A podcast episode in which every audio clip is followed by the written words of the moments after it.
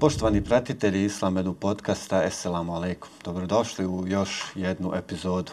Sa nama je magistar Fadil Maljoki, viši asistent na Fakultetu islamskih nauka u Sarajevu i evo, magistar islamskih nauka u oblasti hadisa. Esselamu alaikum, dobro nam došli. Alaikum salam, bolje vas našao i zahvaljujem na pozivu. Da tako kažem, od bilo nam je drago, jel, dugo ste evo, i na našoj listi bili i a, bilo nam je drago da vas možemo pozvati, a još draže jel, da ste se odazvali.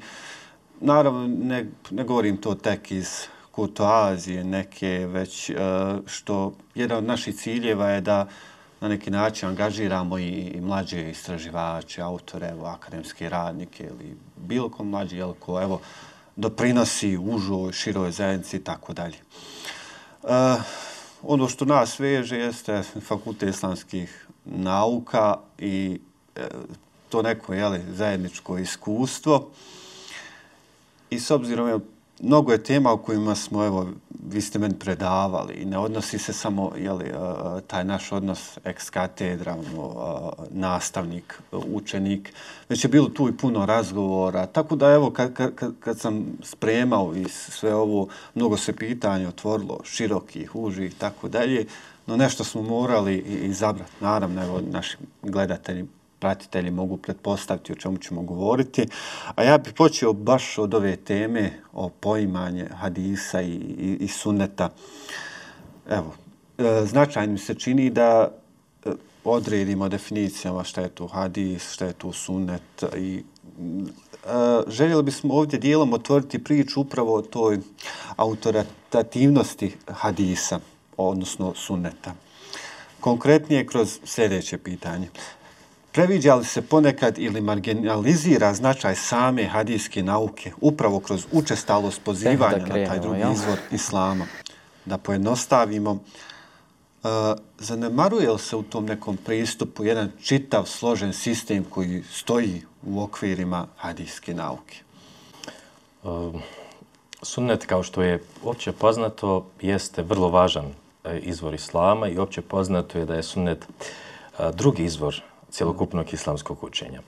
Uh, želio bih da se osvrnem na dva uh, vrlo važna aspekta sunneta kako bi odgovorio Hasane na to tvoje pitanje. Uh, prvi aspekt je autoritativnost sunneta, a drugi aspekt je tumačenje, odnosno razumijevanje hadisa. U kuranskoj terminologiji sunnet označava Allahu volju ili zakonitost u prirodi ili društvu u odnosu na čovjeka, sunnet je Allahova volja ili zakonitost u ljudskom životu. A tu Allahovu volju na najidealniji i najdosljedniji način sproveo je u praksi Muhammed a.s. I zato je on usve hasene.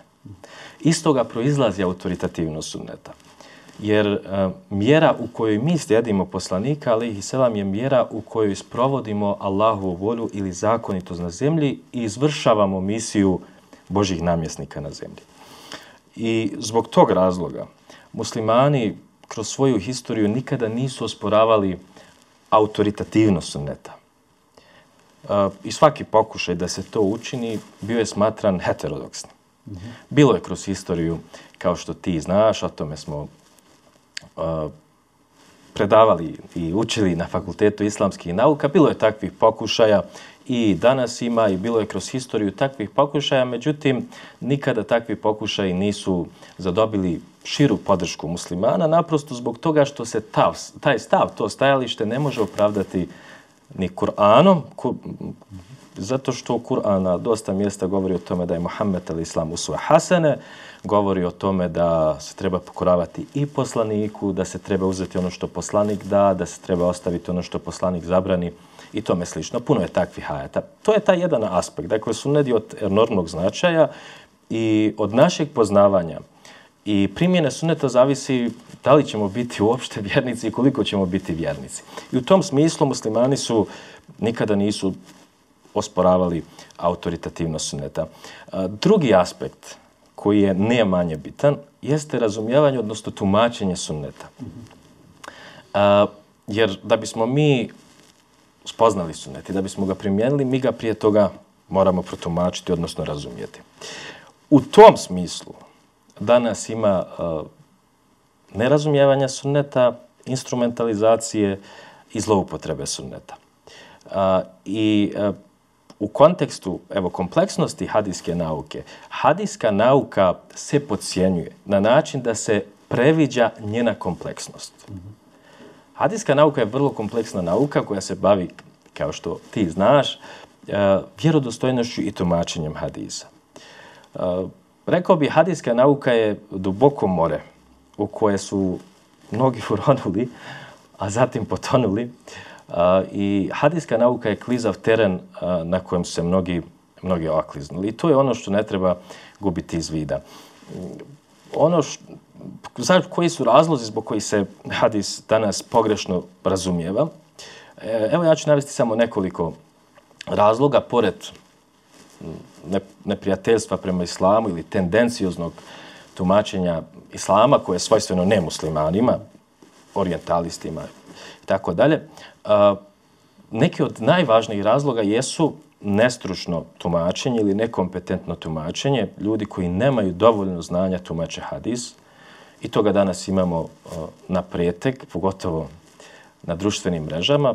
Čak i ako je neko stručan za hadis, ne mora nužno značiti da on dublje razumijeva hadisku nauku.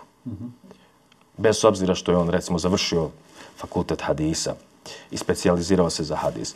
Drug, drug, drugi razlog jeste ideološke prirode ili ideološko tumačenje. Toga također danas imamo puno i ljudi su skloni da svoje tumačenje usklađuju sa ideološkom matricom koju pripadaju, pa svoje vjerske, sektaške, političke i razne druge stavove opravdavaju autoritetom poslanika. Zašto? Zato što oni ne, nemaju veliki autoritet, pa se pozivaju na autoritet poslanika, a kao što mi znamo, taj autoritet poslanika je najveći kada govorimo o ljudskom o ljudskom autoritetu. Klasična zloupotreba, je.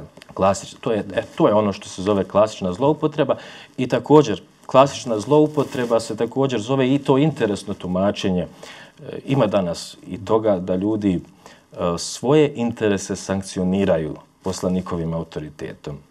I želio bih evo, da spomenem još jedan razlog, a to je emocionalno tumačenje poslanikove zaostavštine, koje je svojstveno ljudima koji vole poslanika, ali, selam. E, ali e, su te emocije e, zapreka nekom objektivnom sagledavanju njegove zaostavštine. Pa recimo, dovoljno je da se nešto vezuje za poslanika, da se nešto pripisuje poslaniku, da oni to prihvate kao, kao vjerodostojno i postupaju po tome. A mi vrlo dobro znamo da je puno toga što se pripisuje poslaniku nevjerodostojno, šta više apokrifno.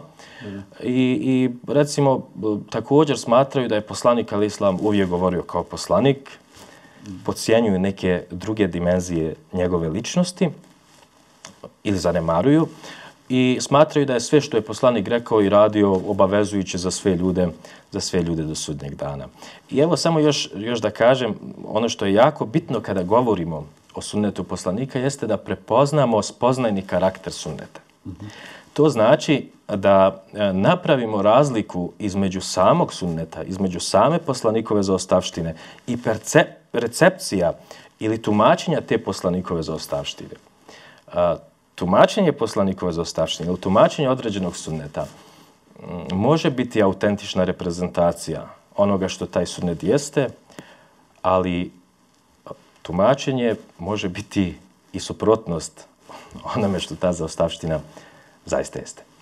Da, evo, e, u tom kontekstu, kao i u svemu, možemo govoriti o određenim učitavanjima. Postoje li učitavanje u tumačenje, u tumačenje Kur'ana, a evo, postoje učitavanja jeli, i u tumačenju o, hadisa. Pa se čini da ponekad ta tumačenja ljudi prihvataju kao apsolutna baš kao, jeli, to je taj autoritet i tumačenje miješaju s onim što zovemo, jel, temeljnim, konstitutivnim, ono što je, jeli, evo, Kur'an, sunnet u, u nekoj svojoj suštini. E, ono što će biti interesantno, evo i našim pratiteljima, generalno našim podneblju tematika interesantna, u kojoj ste vi e, e, nešto dijelimično Eh, pisali eh, eh, već ranije, s obzirom na značaj hanefijskog mesheba i figuru Ebu Hanife kao jeli, ličnosti koju imamo u tom svom senedu tradicije učenja islama na našim prostorima, s obzirom da je on jel, u svoje doba bio i kasnije kritikovan o, o, zbog poznavanja, odnosno nepoznavanja hadisa. Koji su to osnovne karakteristike jeli, e, e, Ebu Hanifnog pristupa hadisu? Po mom mišljenju, Ebu Hanif je bio genije ili vrstan intelektualac i mislim da to nije subjektivan stav. Po mnogo čemu je bio ispred svog vremena i za razliku od mnogih učenjaka kroz našu historiju, nije se libio da zauzima jedinstvene stavove ili rijetke stavove u njegovom vremenu. Tek kasnije, e, decenijama kasnije, pa i vjekovima kasnije, neki učenjaci su e, prepoznali razložnost i dubokoumno promišljanje koje stoji za tih nekih njegovih stavova, pa su čak i pripadnici nekih drugih meseba njegove stavove preuzeli i smatrali ih najispravnijim. Kada je riječ o Ebu Hanifinom pristupu hadisu, ta tema je vrlo široka i možemo o njoj e, govoriti vrlo načelno. E, I evo, želim da iskoristim ovu priliku da pozovem e, naše gledalce i slušalce da ako ih interesuje ova tema, da mogu pristovati međunarodnoj konferenciji koja će ove godine 15. i 16. decembra biti održana u prostorijama Gazi Usrevbegove biblioteke. Organizatori su Institut za islamsku tradiciju Bošnjaka i Fakultet islamski, islamskih nauka i na toj konferenciji će naša ulema govoriti o Ebu Hanifi iz različitih perspektiva. O Ebu Hanifi kao fekihu, Ebu Hanifi kao teologu, Ebu Hanifi kao muhaddisu ili učenjaku hadisa i općanito o, o životu i dijelu Ebu Hanife. Uh, ja ću, evo, spomenuti samo tri karakteristike Ebu Hanifinog odnosa prema hadisu koje su vrlo načelne. Uh, naravno, format uh, ove emisije nam ne dozvoljava da zalazimo u detalji, da podrobnije obrazlažemo te karakteristike.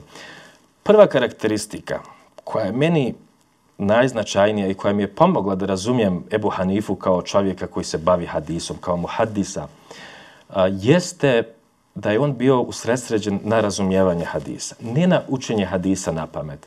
Brojne kontroverze koje smo u prošlosti imali i koje danas imamo i mnoga osporavanja koja i dan, danas možemo čuti uh, na račun Ebu Hanife, uh, jesu posljedica upravo nerazlikovanja dva nivoa ili dvije vrste znanja. Prva vrsta znanja je učenje na pamet, to je najniži stepen znanja. I drugi nivo znanja je razumje, dublje razumijevanje, koji je daleko viši ili najviši nivo znanja. Ebu Hanife je bio posvećen razumijevanju hadisa, a ne učenju hadisa na pamet. Ili barem nije bio posvećen učenju hadisa na pamet u mjeri u kojoj su to neki ljudi bili.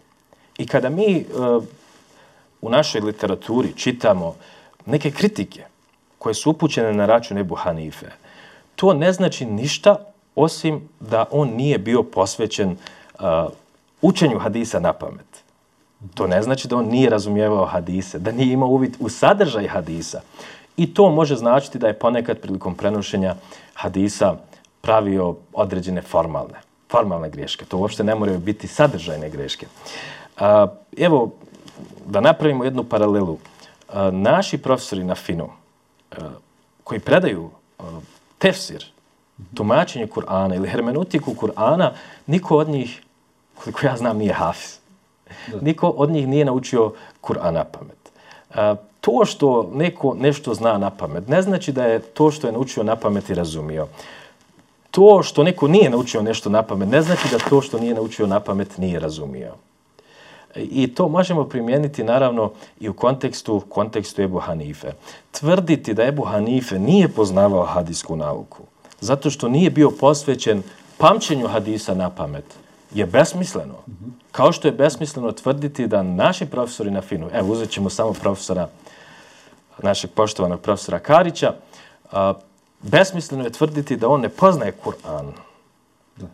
Ako, zato što nije, nije hafiz Kur'ana. To je prva karakteristika. E, druga karakteristika je da je Ebu Hanife uzimao svaki hadis kao osnovu za izvođenje propisa i na njemu zasnivao svoje mišljenje, ukoliko shodno njegove metodologiji zadovoljava uvjete vjerodostojnosti. Ono što se često također previđa jeste da je metodologija utvrđivanja autentičnosti hadisa ili hadiska kritika vrlo, vrlo raznolika. To nije monolitna kritika, imamo jednu šarolikost i postoje razlike e, između hadijskih i drugih učenjaka po brojnim aspektima hadijske kritike. Nekad jedan učenjak kaže Mursel hadise prihvata, drugi učenjak kaže Mursel hadise ne prihvata. Jedan učenjak kaže ovaj prenoslaz nije toliko pouzdan da bi se hadis mogao prihvatiti ako ga samo on prenosi. Drugi učenjak kaže ovaj prenosilac je pouzdan i ako samo on prenosi hadis, taj hadis se može prihvatiti. Čak i e, oni učenjaci koji su imali vrlo sličnu metodologiju utvrđivanja autentičnosti hadisa nisu e, po, mogli se složiti po pitanju vjerodostojnosti nekih hadisa. Buhari neke hadise koje smatra muslim vjerodostojnim smatra nevjerodostojnim. Neke hadise koje Buhari smatra vjerodostojnim, muslim ne smatra vjerodostojnim i tako dalje. I evo u tom kontekstu, s obzirom da govorimo o Ebu Hanifi, uh, želim da parafraziram jedan njegov fiskas iz dijela El Alim wal Mutallim. To je dijelo koje je napisao sam Ebu Hanife. Uh, napisano je u formi pitanja i odgovora. I na jednom mjestu e, Ebu Hanife kaže odbacivanje onoga što neko prenosi od poslanika, a što je suprotno Kur'anu, što je u kontradiktornosti s Kur'anom, nije odbacivanje hadisa poslanika, hadisa kao takvog, nego je odbacivanje onoga što mu je neko greškom pripisao.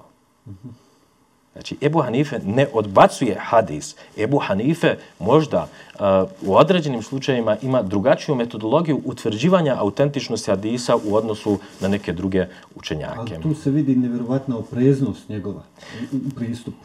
Na, naravno, naravno, naravno, on je imao uh, neke drugačije kriterije utvrđivanja autentičnosti hadisa u odnosu na neke hadijske učenjake, pa je primjera radi, primjera radi, naravno neću o tome podrobno govoriti, praksa ashaba je igrala vrlo važnu ulogu u metodologiji e, utvrđivanja autentičnosti hadisa koja je bila svojstvena Ebu Hanifi. Ebu Hanife je govorio, ako ashabi nešto praktikuju na jedan način, to je govorio i imami Malik, na jedan način, a mi imamo hadis koji govori suprotno tome, onda je taj hadis ili nevjerodostojan ili ga treba pretumačiti na alternativan način. I mi imamo dosta slučajeva, evo ja ću navesti uh, samo jedan taj slučaj prije nego uh, navedem ovu treću karakteristiku, nadam se da neću zaboraviti.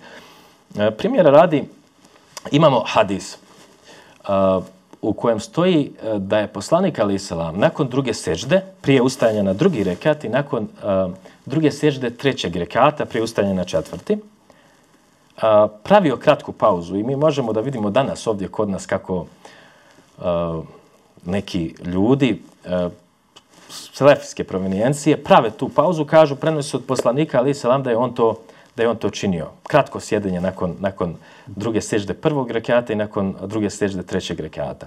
Kažu, poslanik Ali Islam je to radio. Ebu Hanife, imame Malik i brojni drugi učenjaci kažu jeste to poslanik radio, sve u redu, međutim to je poslanik radio u poznim godinama svog života, ali ne, da li ne uvijek, jer da je to uvijek radio, ashabi bi to preuzeli od njega, tabini bi to preuzeli od ashaba i ne bi bilo apsolutno nikakvog nikakvog razilaženja. Dakle, samo Ebu Hanife je na drugačiji način protumačio... Ebu prot... Hanife koji je blizak tim generacijama. Da, da, ja. Naravno, koji je, koji je blizak. On je, uh, Inače za Ebu Hanifu koji je gledao na stotine pa i na hiljade tabijina kako prakticiraju vjeru, živu vjeru ko, koju su preuzeli od ashaba, njemu je puno veći argument bila sama ta praksa, zatečena praksa, opće prihvaćena, raširena praksa nego, nego neko pojedinačno predanje koje se može protumačiti na ovaj ili onaj način i koje, eto, naravno, može biti nevjerodostojno jer su i treba imati u vidu da su ljudi prenosili hadise i da su vrlo često, da su vrlo često pravili greške. E, I evo samo da navedem još ovu treću karakteristiku Hasane, ako mi, ako mi dozvoliš, zato što smatram da je jako bitna kada govorimo o hadisu, o onome čemu, čime se ja bavim, a to je da je Ebu Hanife uh, hadis posmatrao kao uh, dijelić jedne slagalice koju treba posložiti. Nije atomistički pristupao hadisu, u smislu da ga je razmatrao izdvojeno od raznih drugih dijelića te slagalice. Vrlo važni e, dijelići te slagalice e, jesu prvenstveno Kur'an, zatim drugi vjerodostojni hadisi, zatim e, praksa i tumačenja ashaba i prvih generacija e, muslimana, odnosno ashaba i tabina, zatim različita značenja koja jedan hadis može imati postoji doslovno, preneseno značenje, postoji primarno, postoji sekundarno značenje. Zatim, različite uloge koje je poslanik Ali Selam imao. On nije djelovao samo kao poslanik. On je djelovao kao što znaš i kao politički vođa, djelovao je kao kadija, na kraju krajeva vrlo često je djelovao i kao čovjek. I također vrlo važan uh, dio te slagalice jeste, jeste kontekst kojim kojem je bio popraćeno, kojim je bilo popraćeno određeno poslanikovo dijelo ili određen njegov, njegov iskaz. I ta metodologija je u stvari bila svojstvena najznanijima sahabima. Ako razmatramo kakvu su metodologiju imali primjera radi Abdullah ibn Abbas, Abdullah ibn Mesud, Hazreti Aisha, Ali ibn Abi Talib, Hazreti Omer, vidjet ćemo u stvari da je škola Ebu Hanife, da je metodologija Ebu Hanife izdanak te škole. Abdullah ibn Mas'ud je, kako je poznato, preteča hanefijskog mesheba. Mm -hmm. I imao je velikog utjecaja na hanefijski mesheb. Uh, mnogi stavovi, u stvari, uh, hanefijskog mesheba jesu mišljenja Abdullaha, Abdullah ibn Mas'uda. Dakle, evo, te tri karakteristike mislim da su vrlo važne. Naravno, te karakteristike treba razložiti, e, konkretizirati i tako dalje. Zato sada nemamo, nemamo puno vremena, ali evo samo da ponovim te karakteristike. Dakle, Ebu Hanife je bio usredsređen na razumijevanje hadisa. Ebu Hanife je prihvatao svaki hadis koji shodno njegovoj metodologiji zadovoljava uvjete autentičnosti i Ebu Hanife, evo kazat ćemo opet, posmatrao je hadis kao dijelić slagalice koji treba posložiti. Interesantno bi jeli, eh, bilo ovo razvodniti u više nekih eh, eh, rukavaca. Također interesantno bilo jeli, i govoriti u kontekstu te uh, iračke škole, kufske, jeli, uh, kufa i tako dalje, i, i u kontekstu analogije koju Ebu Hanife potencirao. Jeli. Uh, no, to bi nas odvelo daleko, ali evo nekoliko puta ste spomenuli uh, tu dimenziju poslanika kao, kao, kao čovjeka. Ovo sljedeće je ova tema u koju želimo da, mm, evo, da otvorimo. Dakle, veliki je broj hadisa koji je danas posebno i tekako dostupan. No, čini se da je stvorena neka percepcija o tome da je poslanik konstantno ili, ili sjedio naslonjen na neku sofu ili hodao okolo i vazio ljudima, govorio i tako dalje. Zašto nam je važno razumjeti da je Kur'an da je Kur'an objavljen, da je poslanik religiju živio u realnom vremenu, u društvu koje se suočava jeli, sa izazovima, sa svakodnevnim jel, nekim uh, pro problemima, jeli, da su Božje riječi, pa poslanikove, ali se nam riječi praćene povodima, prethodile određenim događajima i koracima. Dakle, evo neka životna reala, da, da govorimo o tome. Kada je riječ o ovom prvom dijelu tvog pitanja, da se stiče dojam da a, je poslanik Ali Islam cijeli svoj život proveo tako što je vazio ljudima i govorio šta trebaju raditi, nije bio takav slučaj. Poslanik Ali Islam to nije radio, imao je svoje druge obaveze. On jeste bio čovjek i on je morao biti čovjek da bi bio uzor. Dakle, ne znam, tamo u hadisima se navodi da je on ponekad pravio greške, da se ponekad srtio. Pa onda imamo slučajeve da sam Kur'an korigira, e, pa čak i kori poslanika, ali islam u određenim slučajevima. On je morao biti takav, jer melek ne može biti uzor čovjeku. Samo čovjek mora biti uzor čovjeku, a da bi bio čovjek, on mora imati i sve osobine i karakteristike koje, koje, ljudi, koje ljudi imaju. Uh, Abdullah ibn Mesud kaže da se poslanik, ali selam, ljudima obraćao povremeno. Ne stalno.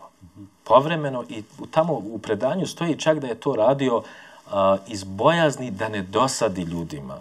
Iz bojazni da se ljudi previše ne zasite uh, govora o vjeri.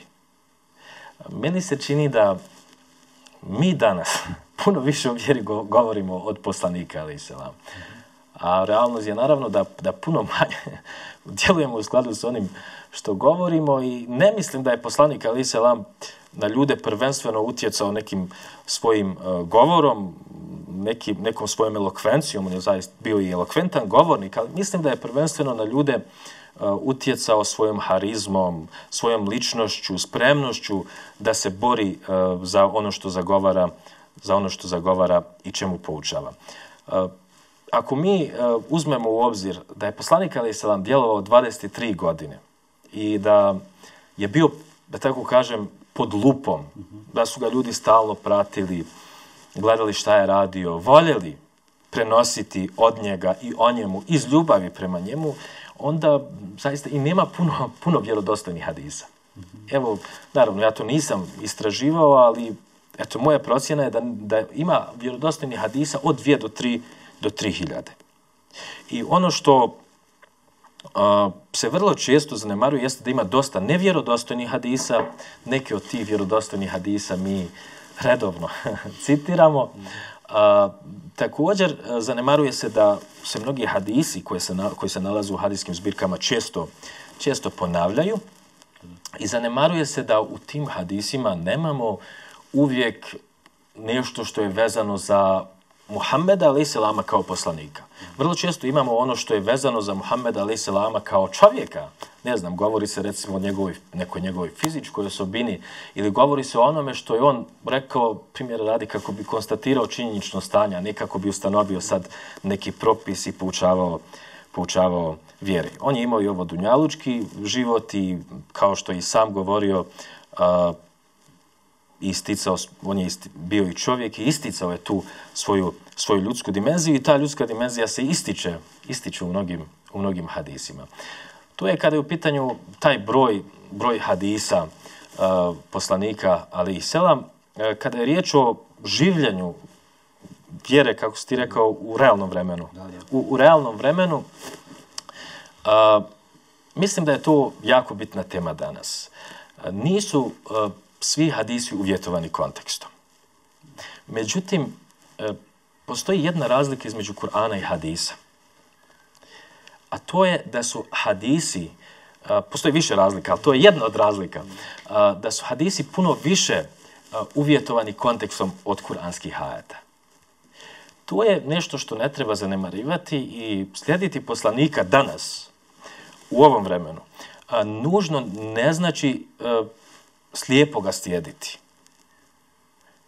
i oponašati ga onako baš doslovno kako je on radio. Vrlo često je, je duh te poslanikove poruke, te poslanikove prakse, metodologija kojom se on rukovodio, intencije i interesi koje je u obzir uzimao, u stvari jesu puno bitniji od nekih konkretnih rješenja i konkretnih odluka a, koje je on donosio. A, I zašto je to tako? Prvenstveno, je to tako zato što je sam poslanik mijenjao svoje mišljenje i svoje odluke. Pod utjecajem konteksta. Imate dva različita propisa, dva različita konteksta, dvije različite odluke poslanika, ali i selam. To je jako bitno za kada govorimo o današnjoj teoriji tumačenja hadisa. I e, evo da to ne bude sada previše abstraktno ovo što govorim, ja ću navesti samo dva primjera, a tih primjera zaista ima puno. E, primjera radi, e, jedne godine poslanik Ali Selam je ashabima zabranio da skladište kurbansko meso duže od tri dana. Naredne godine, naredne godine poslanik Ali Selam je to dozvolio. Rekao im je da skladište meso i da ne, ga ne moraju podijeliti u roku od tri dana. Nakon toga je ashabima rekao da je njegova prošlogodišnja odluka ili odluka koju je donio u prethodnoj godini bila uvjetovana time što je u Medini vladala glad. Dakle, imamo dva različita konteksta, imamo dva, dvije različite uh, odluke poslanika Ali Selam. I drugi, drugi primjer, uh, Hasane, ti znaš da je poslanik Ali Selam uh, na početku svoje misije zabranio posjetu mezarima svojim ashabima. Zašto je to uradio? Uradio je zbog uh, paganskih navika sa kojima se ta posjeta dovodila u vezu. Pa su uh, ti Arapi, kasni, neki od njih su kasnije primili islam, znali otići na mezare i na mezarima se hvalisati svojim precima i u tome se takmičiti na mezarima. Također znali su naricati, udarati se po glavi na mezarima, bili su skloni a, obogotvorivanju a, mrtvih ljudi i tome slično. Kada se situacija promijenila, kada se vjera učvrstila u ljudskim srcima i kada više nije postojala bojazan da će ti e, ljudi e, primjenjivati te paganske navike prilikom posjete mezarima, poslanik Ali Selam ne samo da je ukinuo tu zabranu, nego je ashabima naredio da to čine jer je, jer i posjeta mezarima podsjeća, podsjeća na smrt. Tako da, evo, opet imamo uh, dva konteksta, dvije različite okolnosti, imamo dvije različite uh, odluke poslanika, ali i selam. Kao što sam rekao, tih primjera je mnogo i, i smatram da bi se mogla uraditi odlična doktorska disertacija ili neka obsežnija studija o tom dijalektičkom odnosu između, između poslanikove zaostavštine, ili možemo reći općenito teksta, teksta i, i, i konteksta, I svakako, dakle, te tih primjera ima zaista mnogo i eto sad nemamo vremena da, da, da, da podrobnije o tome govorimo. Pa evo, na, naveli ste jeli, u svakom slučaju nekoliko primjera koji su jako bitni da otvorimo ovu temu i to nam je, e, ove teme u stvari, i to nam je cilj da, da unesemo tu, evo, na, neki e, javni diskurs o tome razgovara, rasprava, da se o tome istražuje, uči i tako dalje. E, naravno, govorimo uvijek nastojimo govoriti jel, u kontekstu savremenog doba i evo, govorili smo mnogo stvari koje se ticali ranijeg perioda i razvoja hadijske nauke, no šta se stavlja pred istraživače, savremene jeli, istraživače u hadijskoj nauci? Koji su to izazovi? Postoje li neki, nešto, neki drugi akcenat na neku drugu oblast kada je u pitanju hadijska nauka? Je li to možda hermeneutika ili nešto drugo? Ah, hermeneutika zasigurno jeste. Hermeneutika, evo da objasnimo, s obzirom da je to uglavnom, filozof, uglavnom se taj termin koristi u filozofiji, eh, ovdje pod hermeneutikom mislimo na teoriju tumačenja hadisa ili na niz principa i pravila u skladu sa kojima treba ta tumačenska aktivnost biti, biti usklađena. Eh, hermeneutika je zasigurno jako bitna zbog više razloga mi smo, evo, već kazali da razumijevanje određuje primjenu. Ako nešto, evo, s obzirom da govorimo o hadisu, ako hadis nakaradno razumijemo, mi ćemo ga i nakaradno primijeniti. Ako ga ispravno razumijemo, onda ćemo ga ispravno primijeniti, naravno, ako ga želimo, ako ga želimo primijeniti. Smatram da uh, hadijski učenjaci danas i pojedinačno i unutar asocijacija učenjaka i ne samo učenja, islamskih učenjaka, nego i učenjaka, kako to Tari Gramadan kaže, učenjaka teksta i učenjaka konteksta, uh, trebaju stvarati narativ i razvijati svijest uh, o tome šta sunnet zaista jeste. A, taj narativ treba da bude u stvari e, brana od različitih vrsta redukcionističkih pristupa i razumijevanja sunneta. Danas se mnogi pozivaju na sunnet. Čak se i e, najgora dijela opravdavaju, opravdavaju sunnetom. I evo ja ću navesti samo e, jedan od e, najistaknutijih, najeklatantnijih primjera. Čak i e, militantne radikalne grupe e, kao jedan od svojih osnovnih izvora za svoju ideologiju, za svoje djelovanje, uzimaju sunnet. Kada vi čitate literaturu na koju se pozivaju i silovci, vidjet ćete da oni uglavnom svoju ideologiju temelje na, na hadisima, manje na Kur'anu. Temelje na Kur'anu, ali manje, manje na Kur'anu. I zanimljivo da je naziv eh, zvaničnog Isilovog časopisa Dabik. To je jedno mjesto i oni su uh, taj uh, naziv preuzeli iz uh, jednog od hadisa u kojima se govori u kojima se govori o budućim događajima. A, također, evo, smatram da u prvi plan hadijske nauke danas a, trebaju biti a, sunneti koji su ili poslanikova praksa koja je danas aktuelna i koja je, rekao bih, vrlo zapostavljena. To je ono što treba biti a, u prvom planu. I treba znati da nije sve iz poslanikove zaostavštine danas jednako aktuelno, i ne trebamo, kao što smo kazali, sve baš na identičan način primjenjivati kao što je to činio poslanik, upravo zbog ovog dijalektičkog odnosa između, između a, te zaostavštine i konteksta. Evo, primjera radi. A, poslanik Ali Selam je cijenio obrazovane ljude, cijenio je obrazovanje. Civilizacijski iskorak u vrijeme poslanika Ali Selam je bio naučiti ljude čitanju i pisanju. Danas to više nije civilizacijski iskorak. Danas je civilizacijski iskorak imati a, najbolje univerzitete, najbolje rangirane univerzitete i dati naučni doprinos. A, u vrijeme poslanika Ali Selam je postojalo ropstvo.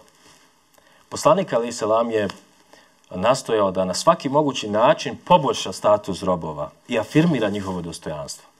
Danas imamo drugačije vidove ropstva, imamo, ne znam, izrabljivanje radnika, obespravljivanje radnika, imamo lošu socijalnu politiku, imamo socijalnu nejednakost i sunnet je boriti se za prava radnika, eh, voditi dobru socijalnu politiku, boriti se za socijalnu pravdu i tako dalje. I, i smatram također da u sunnetu poslanika, ali selam, imamo smjernice za mnoga, za mnoga aktuelna pitanja a te aspekte sunneta zanemarujemo. Naravno, sad nemamo, nemamo toliko vremena da govorimo o svim tim pitanjima, ali evo, evo, nekoliko, evo nekoliko primjera. Primjera radi, uh, poslanik Ali Selam uh, zabranjuje iracionalno korištenje resursa. Zabranjuje bacanje hrane. Uh, naređuje čuvanje prirode. I evo, u, u našem današnjem kontekstu, kada uh, vlada ekološka kriza, kada se resursi iracionalno koriste, kada vlada u nekim dijelovima zemlje, u nekim državama ekstremno siromaštvo, ove poslanikove smjernice dobijaju na značaju. To je tema svjetskih lidera danas. To je, to, naravno, naravno, naravno. Evo recimo, u ovom našem bosansko-hercegovačkom kontekstu je jedna od brojnih smjernica koja jeste aktuelna, jako važna. Poslanik Ali Salam zabranjuje davanje funkcija onima koji nisu dostojni. On je bio zagovornik meritokratije. Da, da. To je u našem uh, današnjem kontekstu uh, jako bitno. Smatram da današnji muslimani, bilo na nekom individualnom ili društvenom, regionalnom ili lokalnom nivou, uh, na različitim nivoima da ne prepoznaju važnost ovih sunneta, da nemaju dovoljnu svijest o važnosti ovih sunneta kao što imaju recimo dovoljnu svijest o važnosti klanja kurbana ili, ili o važnosti o važnosti posta ili nekih drugih nekih drugih sunneta a opet opet sve to je posljedica redukcionističkog pristupa ili razumijevanja sunneta. Ne, ne znam koliko ćete se složiti, ja sam imam običaj reći, najlakše je poslanika, ali ih selam slijediti u džami, u ta četiri zida.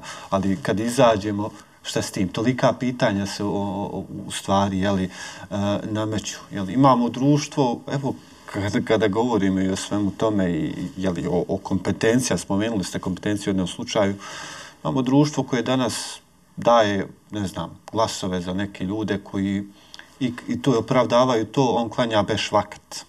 Ne zanima ga je li kompetentan, niti bilo šta drugo, je li uopće pravedan, pošten i, i tako dalje pa mi, pa mi naumpade, imam, čini mi se da nekad, evo, primjer se, o Buhari više ističu to što je klanjao dva rekiata na file, nakon što bi, jeli, a zaboravljaju u stvari svu metodologiju koju je koristio i, i tako ja. dalje. Zaboravljaju Buhariju kao učenjaka, naučnika, ozbiljnog, ozbiljnog čovjeka, akademika možda u tom, jeli, u tom nekom akademskom gradnika, da tako kažem. Jeli. Stručnjak. Naravno, naravno, evo Hasane, ja ću, ja ću, slažem se sa tobom, to što neko klanja pet dnevnih namaza ne mora značiti da je stručan za nešto i evo mi i u poslanikovom sunnetu imamo dosta hadisa na koje se možemo pozvati e, kada je riječ o tome. Imamo slučaj uh, Ebu Zera el Gifarija. Zašto sam znao da ćete njega spomenuti? Evo, to je, to je zato, što, zato što je taj slučaj vrlo, vrlo poučan u ovom našem današnjem kontekstu. Ne, Kada govorimo, primjer radi o Buhariji, nije toliko bitno ili najbitnije, nama je to zbog tog nekog emocionalnog odnosa prema našoj zaostavštini, zbog kulta ličnosti, kako, kako si ti rekao u jednom našem razgovoru, a, vrlo često se više pažnje posvećuje to što je neko radio nešto što nema veze s, sa onim čime se on bavio, što treba da nam bude prioritet. Recimo, kad je u pitanju utvrđivanje autentičnosti Hadisa, prioritet je da je on bio stručan, a ne, a ne tamo da je nešto klanjao. To je svakako pohvalno, ali to nije, to nije nešto što je od ključne važnosti kada govorimo o Buhariju kao učenjaku. Tako i poslanik Ali Islam kada mu je došao Ebu Zer, El Gifari i rekao mm, daj mi, postavi me na neku funkciju, Onda je Ebu Zer je bio jedan od prvih muslimana, bi, pratio je poslanika i bio je pošten, bio je čestit, vjernik, sve. Međutim, nije bio sposoban zbog određenih razloga da mu poslanik Ali Selam dao, da neku funkciju. Pa mu je rekao, ja Ebu Zer in neke laif. O Ebu Zer, ti si slab, a vlast je emaneti, naravno, do kraja hadisa i, i uglavnom, uglavnom, bez obzira što se radilo o jednom od najpoznatijih ashaba, čestiti ashaba, jednom od prvih koji, je pri, koji su primili islam, poslanik Ali Salam Ebu Zerru nije povjerio funkciju. Iako je Ebu Zer kasnije će se ispostaviti nakon smrti poslanika, ali i selam, jel, kako, kako saznajemo, bio je nekako socijalno osviješten, u smislu boljela ga je nepravda. I vidimo da je on komotan bio u ukazivanju na tu, na, na tu nepravdu. Ali evo, funkcija je očito nešto drugo, ipak jel, od, od tog nekog društveno angažira, društvene angažiranosti, tako dalje. Uh, velike su teme, no evo da, da privodimo kraju i jel, ostajemo jeli, pri bliskim temama. Želio bih, jeli, referirajući se na sve one poslanike, ali i salam hadise, o tome da, da se čuva jezik, evo da ukratko onaj, sažmijemo kao i onaj hadis, da bi čovjeku bilo dovoljno laži da priča sve što čuje. Uh, I u tom kontekstu i evo da tu postavimo hadijsku nauku, evo i današnje kako da kažem uh, vrijeme informacija, velik, velikog broja informacija, potrebe za selekcijom, potrebe za medijskom pismenošću. Što možemo naučiti evo kroz priču o hadijskoj nauk, nauci, a u kontekstu upravo ove teme? A, Kur'an i hadis na ravni principa jesu objašnjenje za sve. S tim što nekad e, te principe e, treba razložiti i, i sprovesti u praksi ili sprovesti u realnom vremenu. E, poslanikovi savjeti po pitanju odgovornosti sprem izgovorene riječi danas, danas dobijaju na značaju. Jedan od, jedan od temeljnih principa kada je u pitanju komunikacija jeste biti istinoljubiv. Međutim, ta istinoljubivost ne znači odsustvo proste laži, već, već znači puno više od toga. A znači i kritički e, pristupati e, dobije, do, informacijama koje smo dobili. A znači i ne govoriti ako nismo stručni, ako nemamo dovoljno znanja. I znači biti objektivan, objektivan i nepristrasan. Mislim da su te poslanikove smjernice, evo mi ćemo navesti nekoliko hadisa koji nam mogu poslužiti kao inspiracija ili kao smjernica u nekom današnjem kontekstu kada govorimo o odgovornosti sprem izgovorene riječi. Ali evo neke razlike između poslanikovog i današnjeg vremena. U vrijeme poslanika Ali Selam uopšte nije bio izazov nije bio izazov je bio doći do informacije. Danas mi više taj izazov nemamo. Danas je prvenstveni izazov u stvari selektirati informacije, selektirati ono što je pouzdano i ono što je relevantno za nas. E, u vrijeme poslanika, ali i selam, autoritet se više cijenio. I nije baš svako mogao kazati šta god želi o bilo čemu, kao što to danas. danas može. Danas ne samo da se relativizira a, autoritet, nego svako na vrlo jednostavan i lahak način može iskazati svoje mišljenje o bilo čemu. I zbog toga te poslanikove smjernice o odgovornosti naspram izgovorene riječi i kritičkom odnosu prema dobije, dobijenim informacijama dobijaju, dobijaju na značaju. Evo, ako, ako mi je Hasan dozvoliš, ja ću za kraj citirati ovaj, e, nekoliko hadisa koji nam mogu biti važne smjernice kada govorimo o ovoj temi. Neću te hadise komentarisati, samo, samo želim da ih citiram. A, prvi je hadis koji si ti spomenuo a, i on glasi dovoljno je čovjeku laži. U drugom rivajetu ili verziji hadisa stoji dovoljno je čovjeku grijeha da a, kaže ili prenosi sve što čuje. A, u drugom hadisu stoji a, da je jednom čovjeku bila rasječena glava, a bio je džunup. I onda je postavio pitanje da li mora uzeti e, gusul, da li se mora okupati ili može uzeti temu. Pitao je e, grupu ljudi šta oni misle o tome. I oni su mu rekli mora se okupati. Ovaj čovjek je uh, okupao se i umro nakon toga. Zbog nestručnosti onih koji su mu dali to mišljenje. Poslanika, ali i selam su obavijestili o tome, um, on se žestoko rasrdio i njegova reakcija je bila ubili su ih, Allah ih ubio, zašto nisu pitali kada nisu znali? Pitanje je najbolji lijek za neznanje i bilo je dovoljno, bilo je dovoljno da je ovaj čovjek uzeo, uzeo samo temu.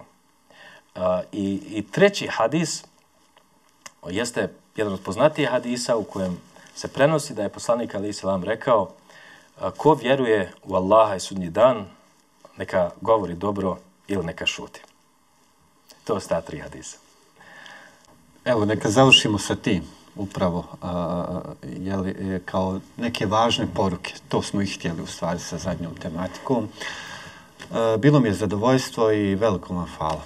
Hvala i vama na pozivu i želim da iskažem punu podršku ekipi mladih ljudi koja je okupljena oko Islam Edu i molim Allaha da vam pomogne u onome što radite. Znači nam to i evo, poštovani pratitelji Islam Edu podcasta, nadamo se da će ova današnja, današnji razgovor u stvari biti od koristi za sve nas. Ostanite sa nama u narednim epizodama, komentarišite, uh, sugerirajte, predlažite i tako dalje i tako dalje. Esselamu alaikum.